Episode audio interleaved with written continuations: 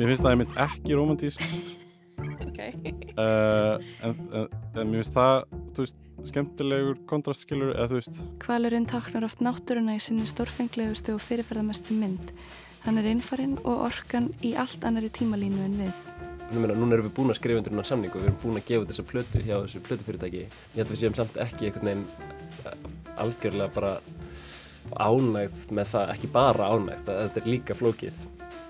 Besta stuðmyndin og riff, stóri kvalurinn og supersport selja út. Ég heiti Lóabjörg Björnstóttir. Og ég heiti Kristján Guðjónsson, þetta er lestinn 9. oktober. Ég gæti sungið einu sinni enn Dapurlegt lag um alla sorgina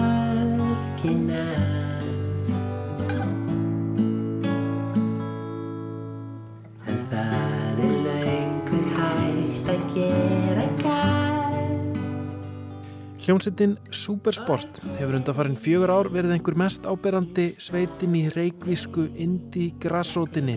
Meðlimir hafa tekið virkan þátt í starfi listasamlagsins póstreifingar, hafa haldið úti tónleikastöðum, hátíðum og útvastáttum og eru duglegir við að spila á tónleikum hér heima og nú í auknum mæli utan landsteinana.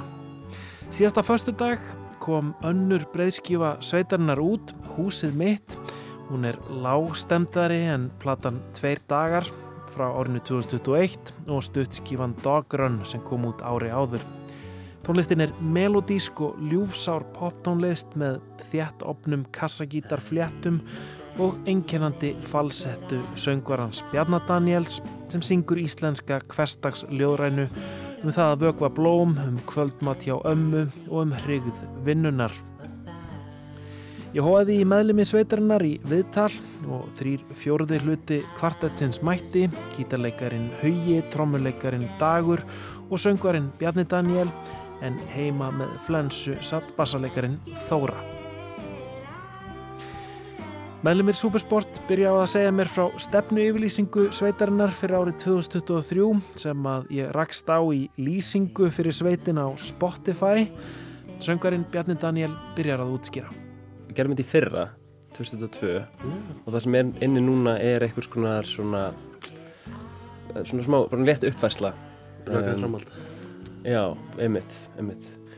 Sko, þetta er eiginlega bara svona studio guidelines. Sem við fórum inn í, inn í stúdíu núna í februar þess ári.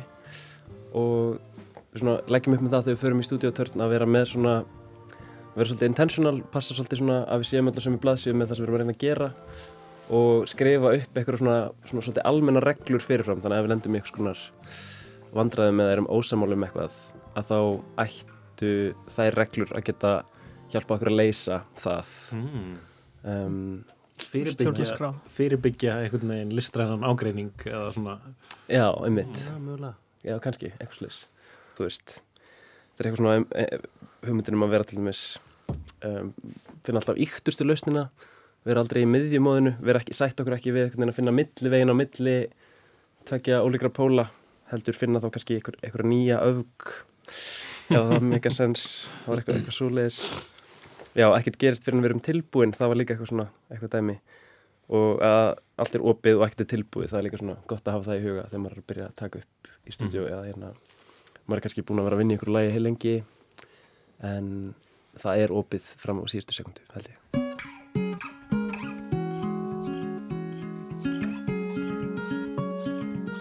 Já, það er opið fram á síðustu sekundu en nú eru þessi tíu lög 25 mindur af tónlist komin á band og komin út á streymisveitum. Kanski er það veðrið nákvæmlega þessa stundina en mér finnst þetta virka eins og fullkomin vetrarplata, plata fyrir fólk sem vil leggjast í hýði í hlýju húsi á meðan haglilið bylur á glugganum.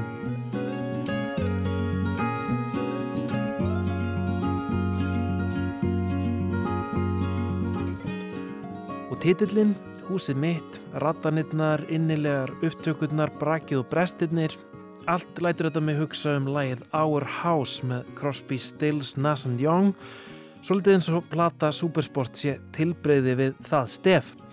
En það var ekki endilega pælingin. Sko, ég datt inn í David Crosby bara á árinu, hann náttúrulega fjall frá fyrir þessu árið ekki?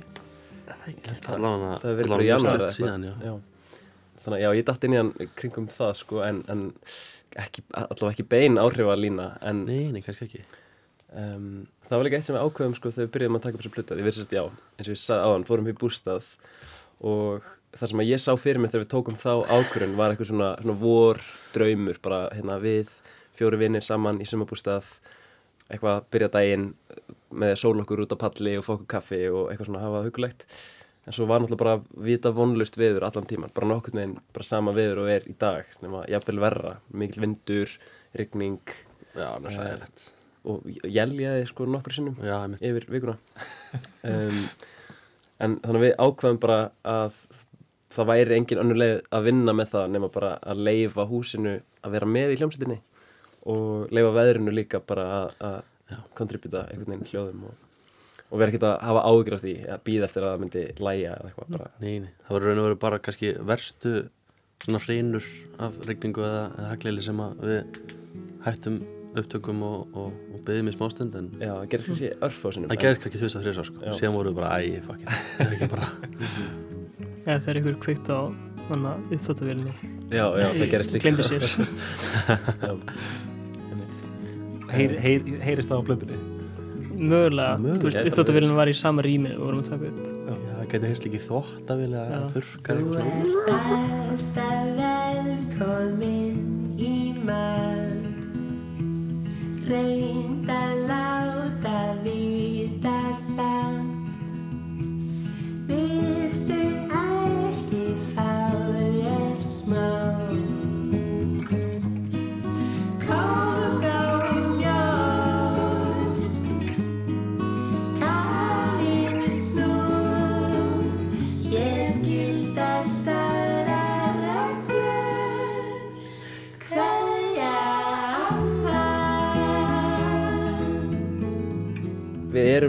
erum rockljómsveit í grunninn. Og við spilum oftast rock tónleika þegar við spilum tónleika. En alveg frá því við byrjuðum þá höfum við svona lagt upp úr því frekar reglulega að taka þessi lög sem við eigum líka neyri ykkur svona lágstemdar útsetningar og spila án þess að hafa hljóðnema af því það er svona mín upplifun að það er eitthvað mjög sérstætt sem gerist þegar maður syngur bara inn í herbergið og, og þegar margir syngja saman inn í, inn í sama herbergi. Um, þannig að það er eitthvað svona eitthvað galdur sem að verður til þá og við höfum alltaf held ég hugsað um þetta sem svolítið svona spari sem við gerum bara öðru hvoru. Og við munum spila alveg jæmt og þétt þokkala akústik Já, all, alltaf öðru einmitt. og þegar við höfum verið á túr þá er líka svo næs að eiga það inni til þess að hressa eins upp á einhvern veginn við erum ekki alltaf að gera sama kvöld eftir kvöld heldur geta skipta á milli. Mm -hmm. Og ég held- kannski mæta rými og svona þú veist, ef við mætum á einhvern stað sem að við vitum ekkert fyrirfram hvað við erum að spila og hvernig það er sett upp og síðan er það pengur lítið og, og kannski bara ekki mála mikið þá kannski það er hægt að geta Mm. gripið eitthvað létt. Akkurat. Þannig ég held, ég held að sko við höfum bara verið skotin í því að grípa þessa orku sem verður til við þessar aðstæður á upptöku og eina leiðin sem við sáum að vera hægt að fara með það var bara, var, var bara að gera það sjálf. Þannig að það sem við gerðum síðasta voru var að við fórum í sumabústað uh, fjölskyldu dags undir Grábrók í Borgafyrinum vorum þar í einhverja sex daga og uh, já, tókum upp þessi lög þar. Og fyndi að þau varst að tala um eitthvað svona að, að, að þau, væri kom, þau væri tilbúin að koma inn í eitthvað svona endarlega mynd. Það kannski satt svona á einhverju, að einhverju leiti en ég held samt, þú veist, við spilum til dæmis núna síðasta föstudag uh, í svona útgáfupartíi sem við heldum í Smekklusu við Körðskötu og ég held að þú veist, það sem að heyrðist þar á þeim tónleikum, það er í rauninni jafn sönn útgáfa af þessum lögum eins og það sem heyrðist síðan á plötunni af því að það er bara þetta bæði í rauninni live og, og ekkert, er ekkert sem að skilur á millin nema í öðru tilfellinu voru hljóðnumar í herbygginu og Já. Hinn voru áhörundur. já, Um, þetta, þetta var svona, hérna, þetta, já, þetta var svona hlustunapartí og svo, svo voru, voru tónleikar hjá ykkur. Og það var vel mætt þarna í, í þetta litla rými uh, og það var svona tilfinningaþrungin stemning, var það ekki? svolítið, já. Ég held allavega fyrir mína parta þá er þessi músík mjög hérna, hún er mjög tilfinningaþrungin. Það er mjög mikið að lögum á þessari plötu sem eru mjög hérna, fara mjög djúft og kannski sérstaklega eins og titilæð um, það er það er kannski líka annað sem við vorum að hugsa mjög mikið um þegar við vorum að, að byrja að setja saman uh, þessa plötu, eða þess að raða saman lögum sem myndi fara á þessa plötu var að við vildum eða ég allavega var mjög upptekinn af því að við værum að segja eitthvað sem væri satt. Um, og ég held að við höfum greipið eitthvað svona, eitthvað svona, hérna, svona kosmískan sannleik í húsið mitt eða sko, já, og ég veit ekki ennþá alveg nákvæmlega hvað við erum að reyna að segja en, en ég finn það svona bara í, í öllu kerfinu mínu þegar ég er að spila lagið fyrir svona mótækilegan hérna, áheyrendahóp mm að það er mjög satt. Það er eitthvað sannleikur í því að það er mikið sens þannig að já, það, það hérna og það var mjög merkilegt að finna hvað fólk var með okkur í þessari orku um, þannig að já, ég er alveg bara enda svolítið eftir mig eftir þessa stund þarna á, Vá.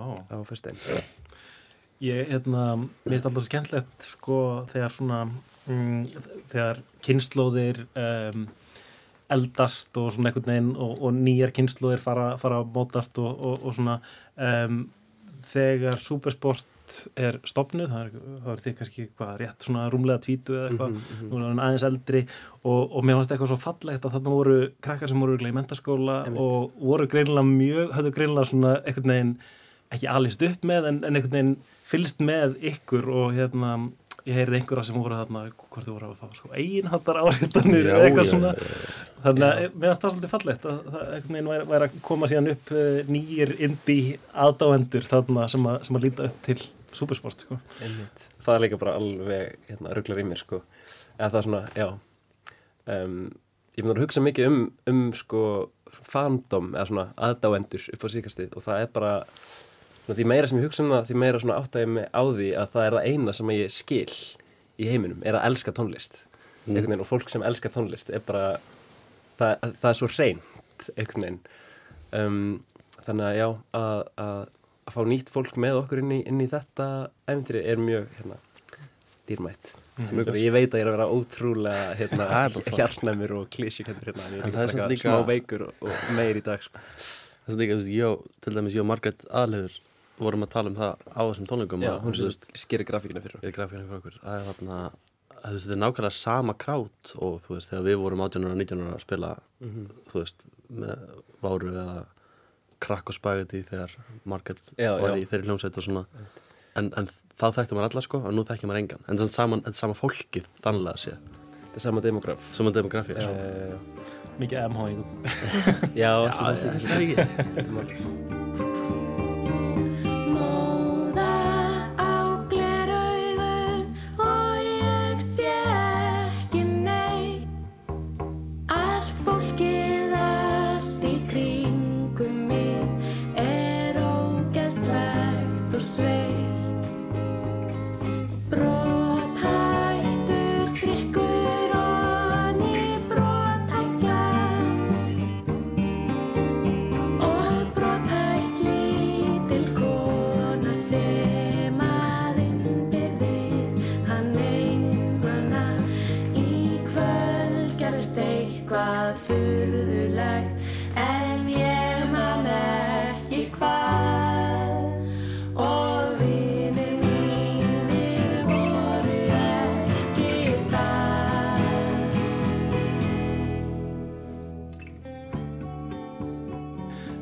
svo er er þarna eitt uh, ein örstutt upp, upptaka sem að svona uh, hljómar eins og sé tekin upp uh, mögulega bara á einhvern síma eða eitthvað í, í bíl. Einmitt. og ég hugsaði svona, já, þetta er svona við erum að hafa þetta smá insýn í einhvern veginn lagasmíða ferlið, er, er það að senda svona milli eða eitthvað? já, eiginlega já, já, það, það var alveg þannig en, en þetta er svona upptakar sem ég tók upp í bílnum mínum eitthvað kvöldið. Um, og Bara þegar, þegar þessi melodía kom til þín eða? já, einmitt, já. ég var bara að keira ég var að hugsa um eitthvað byrjaði að syngja þessa laginu með þessum texta að og ég sendi það strax á tjattið en að gleyma fræsta og ég held ég að við strax sagt getum við sett þessa upptöku á plötuna? Já. óbreyta alveg. Já, því mér fannst það einhvern veginn bara svona uh, það hefur kannski gerst svona tveimur dögum setna eitthvað, ég veit ekki. En, en það var eitthvað einmitt í þessari upptöku sem er bara, pff, já, þetta er alveg hérna, þetta er bara nákvæmlega það sem ég er að reyna að segja það þarf ekki að þarna, semja og útsetja lagið að fullu til þess að, Mhm. til þess að það standi. Það getur samt alveg gerst setna sko, að við tökum þetta lag og gerum eitthvað meira með það. En, en fyrir þessa plötu þá var þetta bara alveg rétt Mhm. einhvern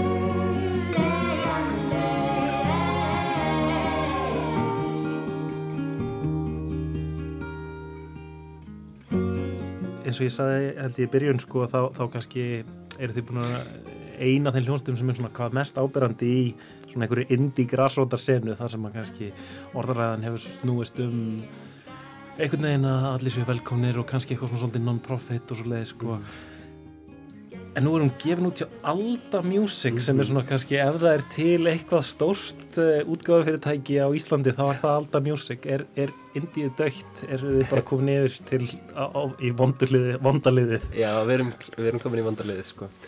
Nei, þetta er, ég, ég er gæðið glæður á þér að þessu Kristján. Þannig að þetta, þetta var mjög flókið og erfitt fyrir okkur að taka þessa ákvörðun.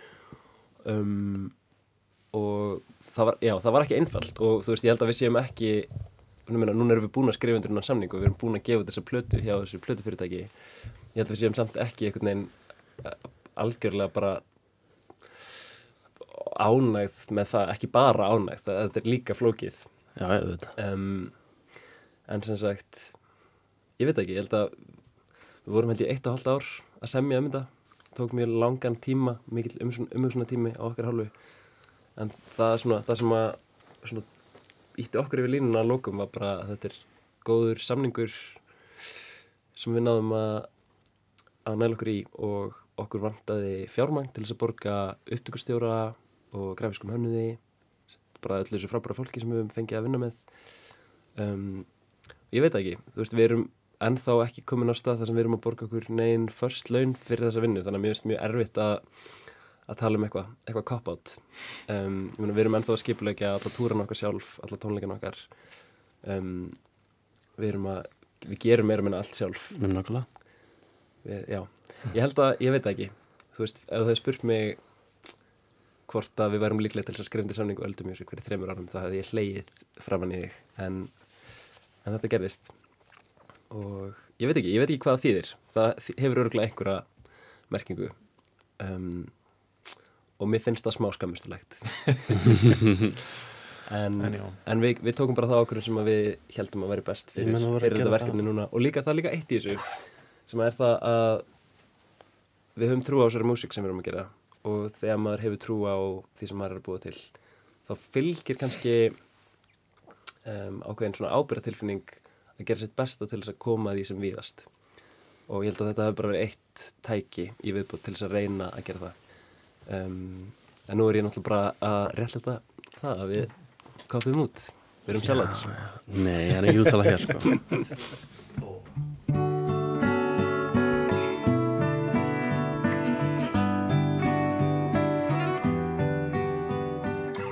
Hugi, Dagur, Bjarni og Þóra sem er veik heima. Já, guðblessana Jeps. til hamingi með plötun okkar, húsið mitt sem að var að koma út uh, á Spotify núna og kemur kannski einhver tíman á, á, á fysisku formi en, en, en það er allavega ekki planað sögðu mér áðan. Um, Superbort, takk hérna fyrir komin lestina.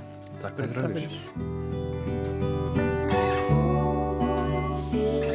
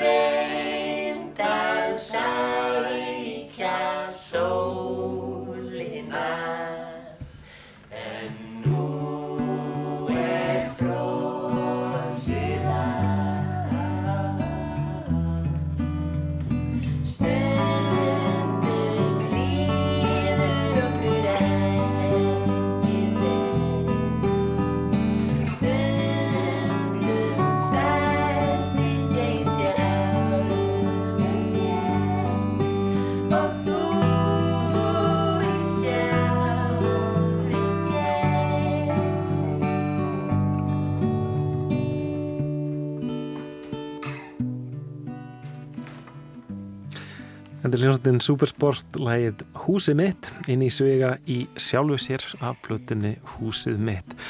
Hljómsveitin um, heldur út setna í vikunni á tónleikaferðum Evrópu og, og sögðu mér að þau spila eiginlega meira erlendis heldur en á Íslandi þessa dagana um, að hluta til vegna skorts á tónleikastöðum í borginni. Það er í rauninni bara, eh, þeir nefndu Gaugin, Keks og Lemmi sem svona einu staðina sem eru með reglulegt tónleikahald í, í borginni og, um, og Gaugurinn sé eini sem að sé með svona tilbúið sko, tilbúna tækni aðstöðu og svona þannig að það sé bara að koma og, og tengjast sem hefur auðvitað örgulega líka áhrif á bara einhvern veginn hvernig indie-senan blómstrar uh, hverju sinni, hvort séu tónleikastæðir Um, ég hef heilt fleiri hafa ágjur á þessu. Já, um, stefnir í krísu ef ekki, eitthvað er, eitthvað er að, gert sko. En við ætlum að færa okkur úr tónlistinni yfir í bókmyndirnar. Um, Ástís Sól Ágústóttir ákvaða að lesa bókina um Moby Dick eftir að það fórust að umræður í samfélaginu um kvalveiði.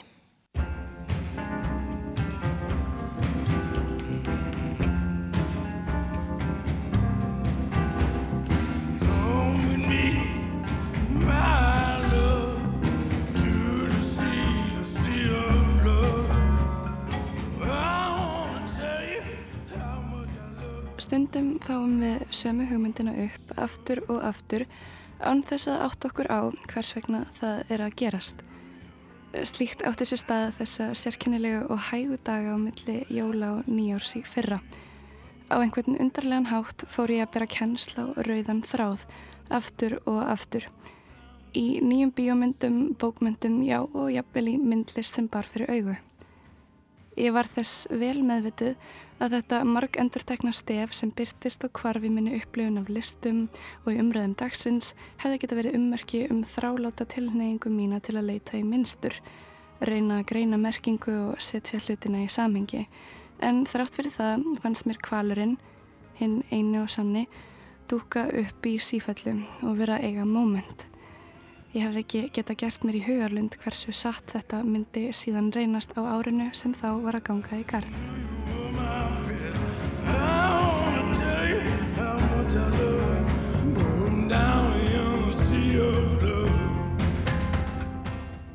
Þessi þangagangur hefur sennilega byrjað þegar ég las bókina Tól eftir Kristínu Eiríksdóttur sem fjallar um kvalveiðimannin Dimma á sama tíma á ný stórmynd leikstjórans James Cameron fór að príða tjöld bíóhúsa landsins. Kvikmyndina Avatar 2 Way of Water ættu margir að kannast við enda 13 ár frá síningu fyrstu myndarinnar og marga var farið að þyrsta í framhaldið. Ekki tók það netverja langan tíma að púslega saman eiginlegum bóðskapi myndarinnar. Hims yfirráða á nýlundu stefnan er slæm og björgum kvölunum. It's good to see you. Why are you outcast? What happened?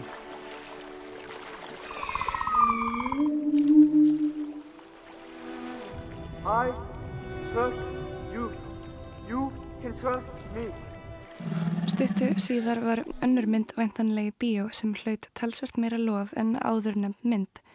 The Whale í leikstjórn Darrens Aronofsky fjallar um ennskukennaran Charlie sem hefur einangrast frá umheiminum. Hann er í mikilli yfirþyngd og langar að endur nýja kynnin við dóttur sína. Brendan Fraser fekk ekki bara Óskarsverlunin fyrir leiksin í myndinni, heldur einnig 6 mínútnar standandi uppklapp á kvikmyndaháttíðinni í Feneyjum. Do you ever get the feeling people are incapable of not caring?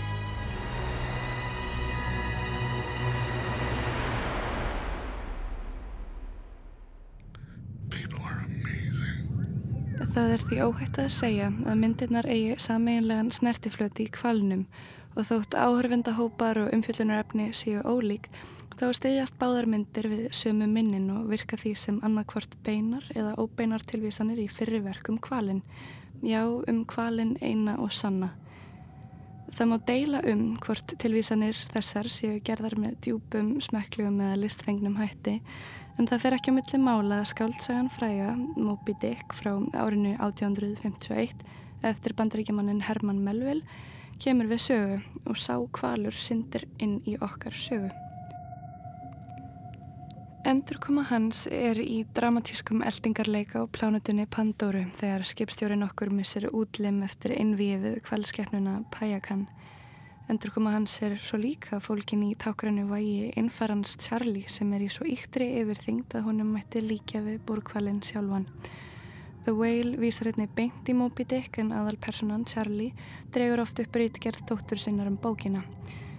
Ég fór að velta í fyrir mér hvort það er hægt að skapa list eða jafnvel bara tala um kvali án þess að vísa í Moby Dick. Þessi hugreiningartengsl eru óumflíjanleg og sín okkur eilifa viðveru kvalsins og kvalara hans í Moby Dick. And I felt saddest of all when I read the boring chapters that were only descriptions of whales. Because I knew that the author was just trying to save us from his own sad story. Just for a little while. Til þess að reyna að skilja kvalinn sem menningarminni í samtímanum sá ég mér engra annara kosta völ en að hefjast handa og lesa sjálfa Moby Dick. En skáldsagan um hvíta kvalinn er einmitt eina af þessum bókum sem fæstir á að lesið en flestri vita sirka bát út á hvað gengur. Svo rótgróin er hún og þessar tilvísanir fæðast því nokkuð náttúrulega, áreinslu löst. Sagan er eftir við hluti af einhverjum stór bókmenta samhug þar sem við segjum sömu sögurnar aftur og aftur. Skaldsagan Moby Dick er eflust þekkt fyrir að vera frekar þurr og leiðinleg. Lesturinn reyndist þó töluvert fyndnari en ég hafði nokkur tíman ímynda mér.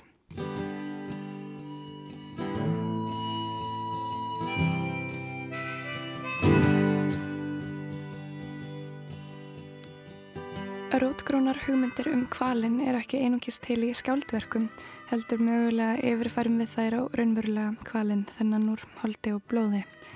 Þetta fannst mér hvergi apskýrt og í kvalveiði umræðinni fyrra árinu og vissulega fyrri ára ef út í það er farið. Mér fannst vera ákveðin samhugur um tákrænt gildi kvalsin sem eitt hefði aðsta og fyrirferðamesta ták náttúruverndar eins og þessi samstiga hugrinningatengsl væru fyrirfram ákveðin í ósögðum sáttmála. Fólk reynd útsagt neykslast á þeirri fyrringu sem kvalviðar eru, sérstaklega þar sem þeir eru í útrýmingarhættu og að slíkur verknaður sínir einungis fram á einskjara grimd mannsins og yfir á það áróttu til þess að drotna yfir náttúrunni. Í stuttum máli þá eru þetta, innan gæsalappa, vondu kallarnir í avatar. Algeng rauk þeirra sem stiðja kvalveðar við Ísland er að þær skapi atvinnu og auð. Vöruna er hægt að selja og í þau skipti sem rökin er á einhverjum tákrænum forsendum þá er það til að fullerða að kvalveðar séu hluti af menningu og sögu Íslandinga. Ég hef ekki enn heyrt neitt harðneita þessari hugmyndum tegnarleika kvalsins eða tákrænt mikilfengi hans í sambandi við náttúruna nema kannski þegar hann er kallaður skeppna og skeppnur má vist skjóta. Á heildina leitið finnst mér fólk vera sammála á alþjóðavísu um að aðferðin gegn kvalnum er táknurinn sókn gegn náttúrunni. Við meigum allt og við getum allt, jafnvel setið fyrir þessu stórkoslega undri þegar að það kemur upp úr undurdjúpunum til að anda og jafnvel vitja okkur mannana. Kvalurinn táknar oft náttúruna í sinni stórfenglegustu og fyrirferðamestu mynd. Hann er innfarinn og orkan í allt annari tímalínu en við. Kvalviðar er þar sem línan er dregin í sandin. Fólk þarf ekki að neyta sér um kjöt, ferðalög og leður til þess að standa stert í skoðun sinni á móti kvalviðin.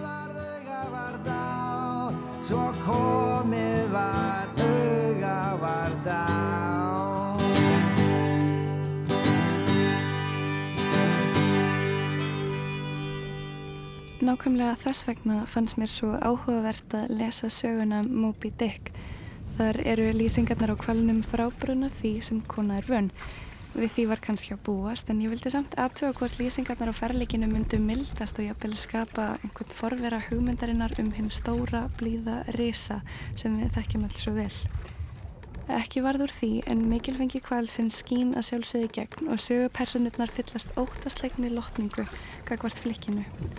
Raunar er hann álitinn sem forsöguleg ófreskja, ekkert ósvipaður sjávarskrimslinu Leviathan úr Jópsbók. Þar á þetta hræðilega búrkveli, hefði dularfulla og ferlega ferliki að æsa alla þá viltustu forvitnir sem býr innra með sögumanninum Ísmael. Fölvið þessa hvíta kvals tengist hugmyndum um tómleika og feið. Þótt kvalveðar þykji ómerkilegar og óverðulegar í Moby Dick þá eru skipverjar með sinn eigin sefandi rauk að kval og lían sé hinn sama og smýr og krínir konungsfólk. Þeir eru í miklum vígahug gegn kvölum og tengja drengskapsinn og karlmennsku við að útrýma þeim og með því verður kvalurinn blórabökull fyrir allar þráhyggju hugsanir skipverjana, einhvers konar útrásar miðl. Hvernig væri það ef stuðningsmenn kvalveiða í dag, en ekki árið 1700 og surkál, myndu lýsa kvalnum með svipaðri andúð, kalla hann ófreskju og sönglandi sætjöful sem sprottin er upp úr myrku úthafi, forsögulegan andstæðing sem byrjað ávarpa en ekki skauta framhjá, frekar en að fela sig á bakvið réttlætingu um vísindaveðar.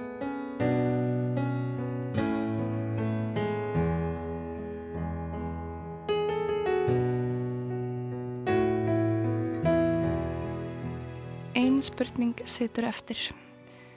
Hvaðan ætli þessi hugmynd um hinn stóra blíða risa komi, eða gentle giant eins og hann er kallaður á ennskunni? Geti þetta verið free willy áhrifin eða bara almennur samhugur mannsins, saminning og samúð með náttúrunni? Eða skinnja þessi sterkustu glímutök og andstæður sem allar byrtast í kvalnum, greindin, grimdin, mildin, mennskan og almættið? Hér, að minnstu kosti, er dæmi um einhvers konar list eða táknsköpun sem ekki vísar í kvalin hvita þótt hann sé þarna allt um kring. Friðelskandi en samt með óurlegt minni og skinnjun á mannfólkið smáa. They mistook my kindness for weakness. Up, up, I know that, but Jesus, can a girl just do the best she can? A wave and take in the sweetness. Think about it the darkness, the deepness, all the things that make me who I am. And who I am is a big time believer that people can change, that you don't have to leave her when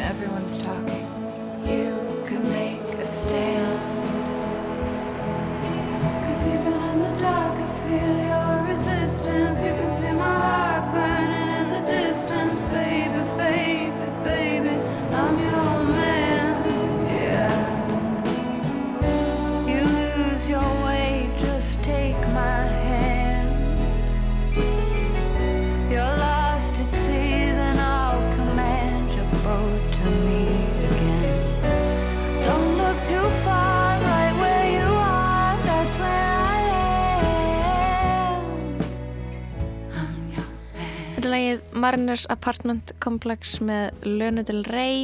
Hún syngur hérna um mann sem að er uh, týndur út á sjó. Lóa, hefur lesið Moby Dick? Nei, á hana eftir. Uh, Ég líka. Þetta er hana bók í saman flokki og þarna Don Quixote. Já. Þú Stríð hana, hún er stór, þú byrjar, erfitt að klára. en, en Ástís Sól fannst hún frábær, þannig að það er eitthvað. Já, kannski stökkum við bara í þetta núna, sjáum til, í lofengu. Um, en við ætlum að snú okkur að kvikmyndum. Um, Riff kláraðist núna um helgina.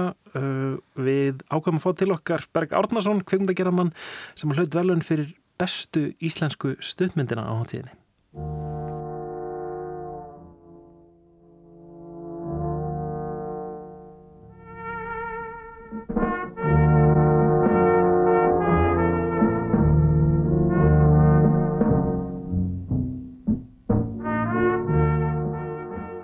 Hingað í lestina er komin Bergur Árnason, leikstjóri sem hlauti ger verðlun á riff fyrir bestu íslensku stuttmyndina.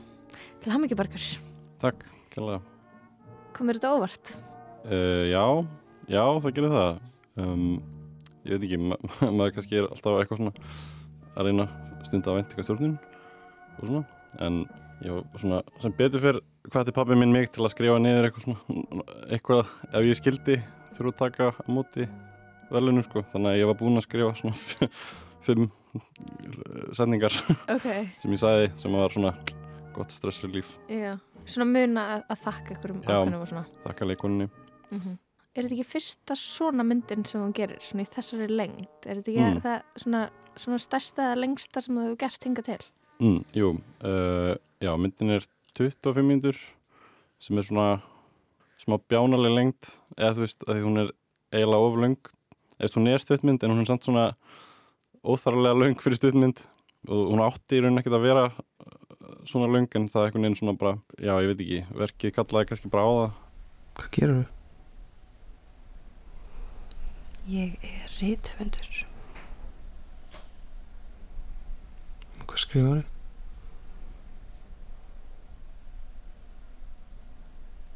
Ég skrifa nú ekki mikið.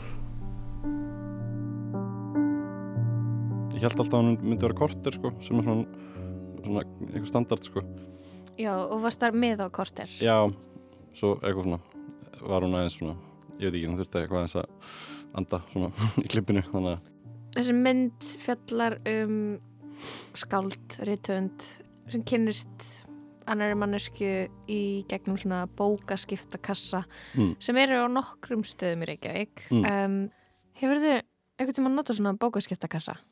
Uh, já, ég hef nú gert það sko, en ég hef uh, oftar samt farið bara að skoða það og mér finnst þeir svona skemmtilegir og eitthvað alltaf mjög áhugavert að sjá hvað fólk skilur eftir að því að þú veist svona eins og þegar fólk þú veist, er að flytja til til útlanda og það vil gefa fullt af bókum en það er líka að taka fullt af bókum með sér og þú veist, ég veit ekki þú veist, er svona segir eitthvað, skilur, um þig svona líka bara, þú kaup, kaupir þér eitthvað en vilt svo gefa það heldur sum en gefur annað eitthvað neinn hefur eitthvað áhuga á einhvern tímpúndi sem missir svo áhugan eitthvað svona.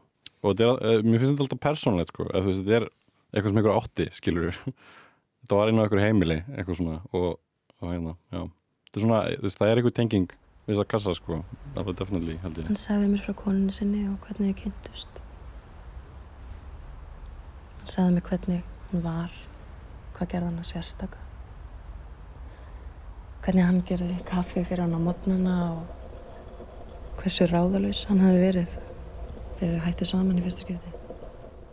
hugmyndin var rosalega einföld þegar hún kom svona fyrst sko þá var þetta svona kannski meira já, ég veit ekki, formið á þessu var miklu einfaldar þetta, ég var að hugsa um eitthvað svona eitthvað svona einn ramma það sem að væri alltaf eitthvað mismundi þú veist, eitthvað bókakassi og svo fólk kom að fara og eitthvað svona, um, svo einhvern veginn byrjuðum við að vinna þetta og, og hérna já, ég svona, þá var þetta það hjálpaði alveg að ég þurfti ekki að vera í rauninni með þú veist, læst, læsta hugmynd. Ég, við gætum byrjað einhvern veginn að búa til myndina smá svona og, og setja okkur í samband við leikara og, og annað áður en einhvern veginn svona fullmótað handritið var komið sko. Þannig að myndin þróaðist rosa mikið á rauninni stutta tímabili þetta tekið yfir eitt, eða, allt unni á einu sömur í rauninni. Uh, þróaðist frá að vera svona mjög einfalt formalist svona við mannstúti eða svona þú veist bara eitthvað fólk að koma að fara yfir í svona aðeins uh, vega meira veginn verk um, um hérna já um eitthvað svona listsköpun. Þannig að já þetta var svona mjög lítil hugmynd sem veginn svona fekk tíma til að gerja staðins og svona gátum bætt svolítið á hana bara Það er eitthvað romantíst við þessa bókaskiptakassa. Mér finnst það einmitt ekki romantíst Ok. uh, en, en, en mér finnst það veist, skemmtilegur kontrastskilur eða þú veist, En það er svona möguleiki á okkur romantík. já mér finnst það svolítið heillandi skilur eitthvað svona og, og kannski mjög lítill möguleiki í rauninni eða þú veist svona, þetta er svo mikið einsmanns dæmi að vera eitthvað svona að sitja á heima og lesa bækur en, en hérna já, ég, þetta, já, bara svona eitthvað ó, ólíklegt dæmi kannski að gerast en, en það er náttúrulega líka skemmtilegt Það er svo mikið að bókum í þessari stuttmynd. Uh, ljóðsagan eftir sjón, skuggabaldur, eitthvað Murakami bók. uh, já aðra bækur eru hérna uh, Bonjour Tristesse eða Tristesse sem var þýtt sem Sagan um sumarást á íslensku og hérna já, það eru tífærin eftir já, tvífarinn eftir hérna, Dostoevski Hvernig valdur þessar bækur? þær voru sko, þetta er blanda svolítið af sem að ég var bara að pæla í, í þegar ég var að reyna einhvern veginn að finna hugmyndina það átti að vera tvífar í bók í myndina að einhverjum tímpundi Er ekki smá tvífari? Er ekki... mm, Uh, það er kannski vísir að tvífara já, ok. mm. uh, og hinna bækunar þú veist, það er, þetta var svona blanda einhvern veginn af hérna uh, við vorum svona að reyna bara einhvern veginn að finna bækur fyrir líka settressið og, og einhvern veginn svona sem að okkur við myndum vilja sjá og reyna svona að finna múti í einhvern veginn í fagafræðinni þar. Og þá til dæmis fann ég þessa hérna sögunum sumarost sem að var bara svona kallað til mín. Eða þess, ég, ég svona spurði Dórótið sem sá um sviðsmyndina hvort þetta væri eitthvað svona of mikið. En, en hérna en henni fannst þetta bara eitthvað skemmtilegt og svona þú veist, vorum svolítið á bara fórbóka mörkuðum eitthvað að reyna að finna eitthvað sem að hérna Þetta er ekki bæk, bækur sem þú hefur lesið og elskar. uh, Murakami er, þú veist, frá mér komin sko Mm. uh, það er svona kannski, já ég veit ekki, má finna ykkur áhrif svona einmannlegi þar sko en hérna, já, annars er mjög mikið þessum bókum komið frá föðu mínum sem að hérna var alveg til ég að losa sig við við fullt af dóti eitthvað, lefur mér að fá bækur til að setja inn á bókakassa. Uh, það var svona, svona skrítið, skrítna bækur sem við finnur í um kössum.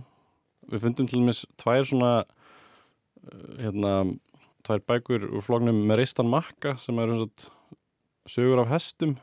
Ok. og hérna glöggir áhundur taka kannski eftir að þær eru sko í kassanum alltaf í, í hérna þeim skotum sem bókassin sé sko Þannig að bækurnar í bókakassanum í myndinni er að hluta til bækur sem voru þar fyrir en líka eitthvað sem þú plantar. Já, við skildum eftir alla bækunar í kassanum sko Líka með þarna, skilabóðunum inn í. uh, nei, þær, þær voru svona við vildum gema þær Mm Ég skil. og ég þurfti að skila ég, það var einn bók sem ég þurfti að fá frá landsbókasamninu og þurfti að skila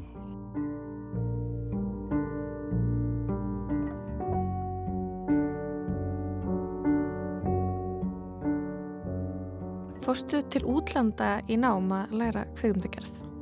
uh, Nei, ég lærði bara hérna í Reykjavík sko. Uh, ég fór í kvikmyndaskólan og ég þar frá 2017 til 2019 og já, svo hef ég bara verið hérna eitthvað í Reykjavík. Var ég eitt ár í Danmarku bara eitthvað að hérna, vinna þar og skrifa og klippa og eitthvað. Og hérna Hvernig fannst þér í kveikmyndaskólan? það var bara mjög næ sko. Svona mikilvægur alltaf bara grunnur eitthvað svona því maður þekkir engan. Þegar langar að fara að gera eitthvað bíómyndir og þú veist, svo eru vinniðinni bara smiðir og eitthvað hérna, tónlistamenn eða eitthvað uh, þannig að það er náttúrulega að kynast ykkur fólki og svona og það er náttúrulega aðal tilgangurinn í kveikmyndanámi eða þú veist svona, að finna þér eitthvað sam, samferðamenn svona fólk Og er, er mikið af samferðarfólkinu úr kveikmyndaskólanum að uh, með þér í, uh, í book swapping? reyndar þá var uh, var ég, ég var svolítið að vinna með yngra fólki núna eða þess að hérna Bergrún Huld sem er framleiðandi minn var í rauninni bara að klára skólan þegar við vorum að vinna þessu verkefni og hérna ég kynntist henni í, í öðru öðru öðru aðnægum stjórnmynd sem ég var að hjálpa til við og, og hérna enda svolítið þannig að þetta voru rosa mikið krakkar sem voru annarkvært nýjútskrifaðir eða að klára kveikmyndanám eða byrja í, kveikmyndanámi uh, sem voru að vinna í myndinu og það var svona rosa næs sko, rosa frelsandi í rauninni að vinna með fólki sem að er svona ennþá að móta það hvernig það sér vinnuna og svona einhvern veginn, þú veist, er ekki með rosa mikið af fyrirfram, þú veist, mótum hugmyndum hvernig þú átt nákvæmlega að gera hlutina og það þarf alltaf að vera svona margir á settinu og það þurfa, þú veist, það þarf að vera svona ógsta langur vinnudagur og eitthvað svona þannig að við Mm. gottum svona svolítið móta það og haft þetta svolítið þægilegt sem að var mjög næs og ég held að við hefði hjálpað verkinu Og svo er það aðarleikonun í myndinni Salma Rán Líma um, sem leikur hennan andlausa rithöfund sem að gengur ekkert að skrifa. Hvernig var að vinna með henni?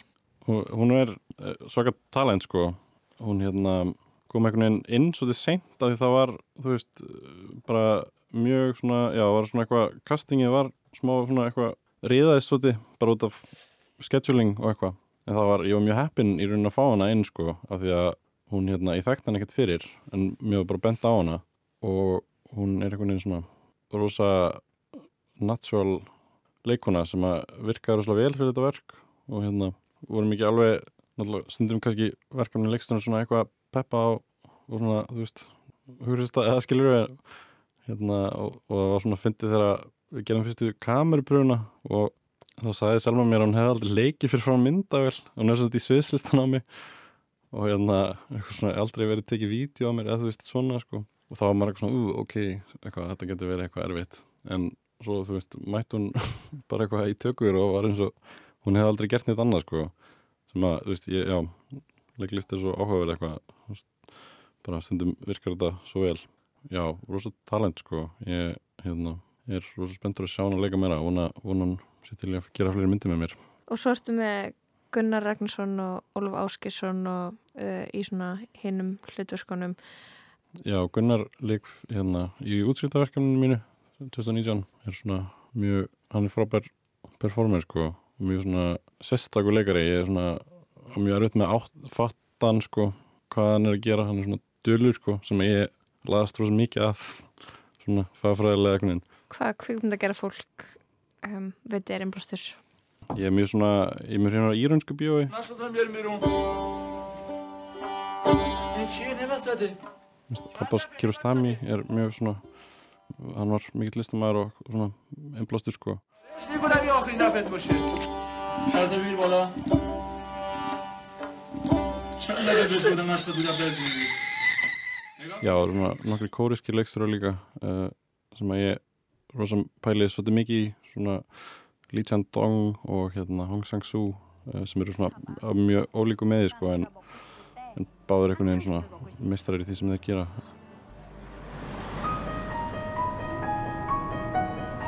이 짐들은 다 뭐야?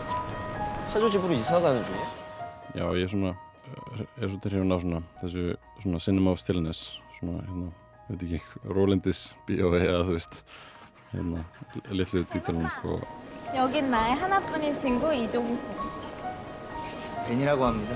Hvenær getur fólk séð bookswapping? hún verður sínd á rúf uh, það er, það er partur af þessu hérna, uh, riff-programmi eða séumyndinar eru síndar sko. Já, þetta er náttúrulega svolítið erfitt með stuðmyndir það er einhvern veginn aldrei neitt staðir fyrir þær og eitthvað, það eru svona smá bara svona uh, á einhverjum einum tíma þú veist, það eru síndar einu og svo, sem ég veist líka alveg fallegt skilur, mér finnst alveg eitthvað fallegt að það sé bara einhverjum nokkru sýningar og, og svo þeir sem voru þar sá myndina og svo bara svona er hún eitthvað sem þú hefur gert og er ekkert endla þú veist, ekkert, að gefa hennu út skilur Hvað er planið hjá þið næst? Já, ég er svolítið mikið búin að vera að skrifa bara. Ég hérna er svona hugað uh, fyrsta stóra verkefni eða svona feature uh, myndaverkefni. Um, það er náttúrulega svona svolítið annars eðlis einhvern veginn heldur en stuðmyndanar það er svona þess flóknara einhvern veginn að leggja upp söguna og svona. Þannig að ég er svolítið bara að einbynda mér að því núna einhvern veginn að, að hérna, skrifa handrit sem að make sense og er gott. Og hérna já og svo bara, ég veit ekki, ég er svolítið svona ég er mjög hrifin af einhvern veginn þú veist, að pæli hvað þú get þú veist, bíónu sem þú getur einhvern veginn gert núna sko, þú veist, af því það er svo auðvelt svona að vera alltaf eitthvað svona, ok, þegar ég er komin svona langt, þá get ég gert þetta og ef ég fæ þetta, þessa rísróstað þá get ég næði að gera stærri mynd og svona en þú veist, það er oft mjög spennandi bara að vinna með það sem er í gangi akkurat núna, einhvern veginn aðstæðan sem þú ert í akkurat núna og, og svona, bíó er einhvern veginn þú veist, það er bara lífið eitthvað og það er alltaf eitthvað til að skjóta þú veist, getur alltaf fundið sér eitthvað að Mm. Og hvað er það þá? Hvað er það að skjóta? Já, bara eitthvað, þú veist, Reykjavík, ég er roða hrifin, eða þú veist, mér langar svo mikið að vinna bara alltaf á Íslandi og, og í Reykjavík og mér þykir þetta mjög svona samrændi eitthvað umhverfi og svona með sitt eigið mút, sko. Uh, pælum, pælum bara í því. Ég, hérna, ég, ég verð eiginlega að fara að drífa mig. Ok. Gaman að heyri þér. Já, sömulegis. Bergur Árnarsson, til hamingi með verðlunin í gær, til hamingi með nýju myndina eina. Takk fyrir komuna í listana.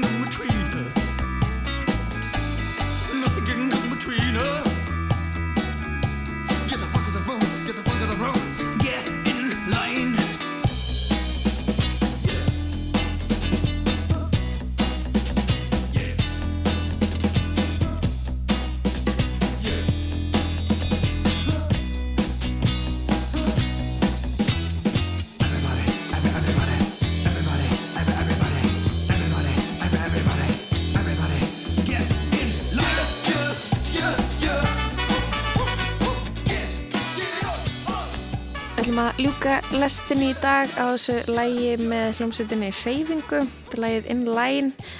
Við rættum þarna við hann Berg Árnason, eða svona eitt sigurvegara riff. Hún hlaut velun fyrir bestu íslensku stuttmyndina, myndina Bókaskipti. E, en já, lestin verður ekki lengri í dag. Tæknumæður var Markus Hjaldarsson við Kristján og Lófa verið með aftur á sama tíma á morgun.